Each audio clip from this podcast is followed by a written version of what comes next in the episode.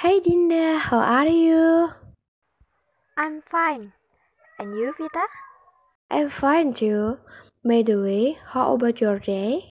Hmm, these days I'm busy to doing something. What is? Is there something special? Yes, of course. It's very special.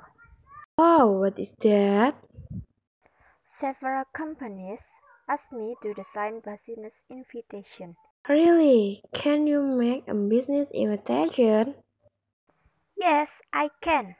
How to make it? Okay, for the first way is make an invitation letterhead, then write the name and relate agencies, and the last step is write the invitation content. Silly, difficult to make.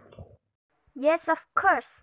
In business invitation must use formal language too. Oh, I see. Sure. Okay, thanks for your explanation, Dinda. Our conversation this time is very interesting. You're welcome, Vita. Might be useful.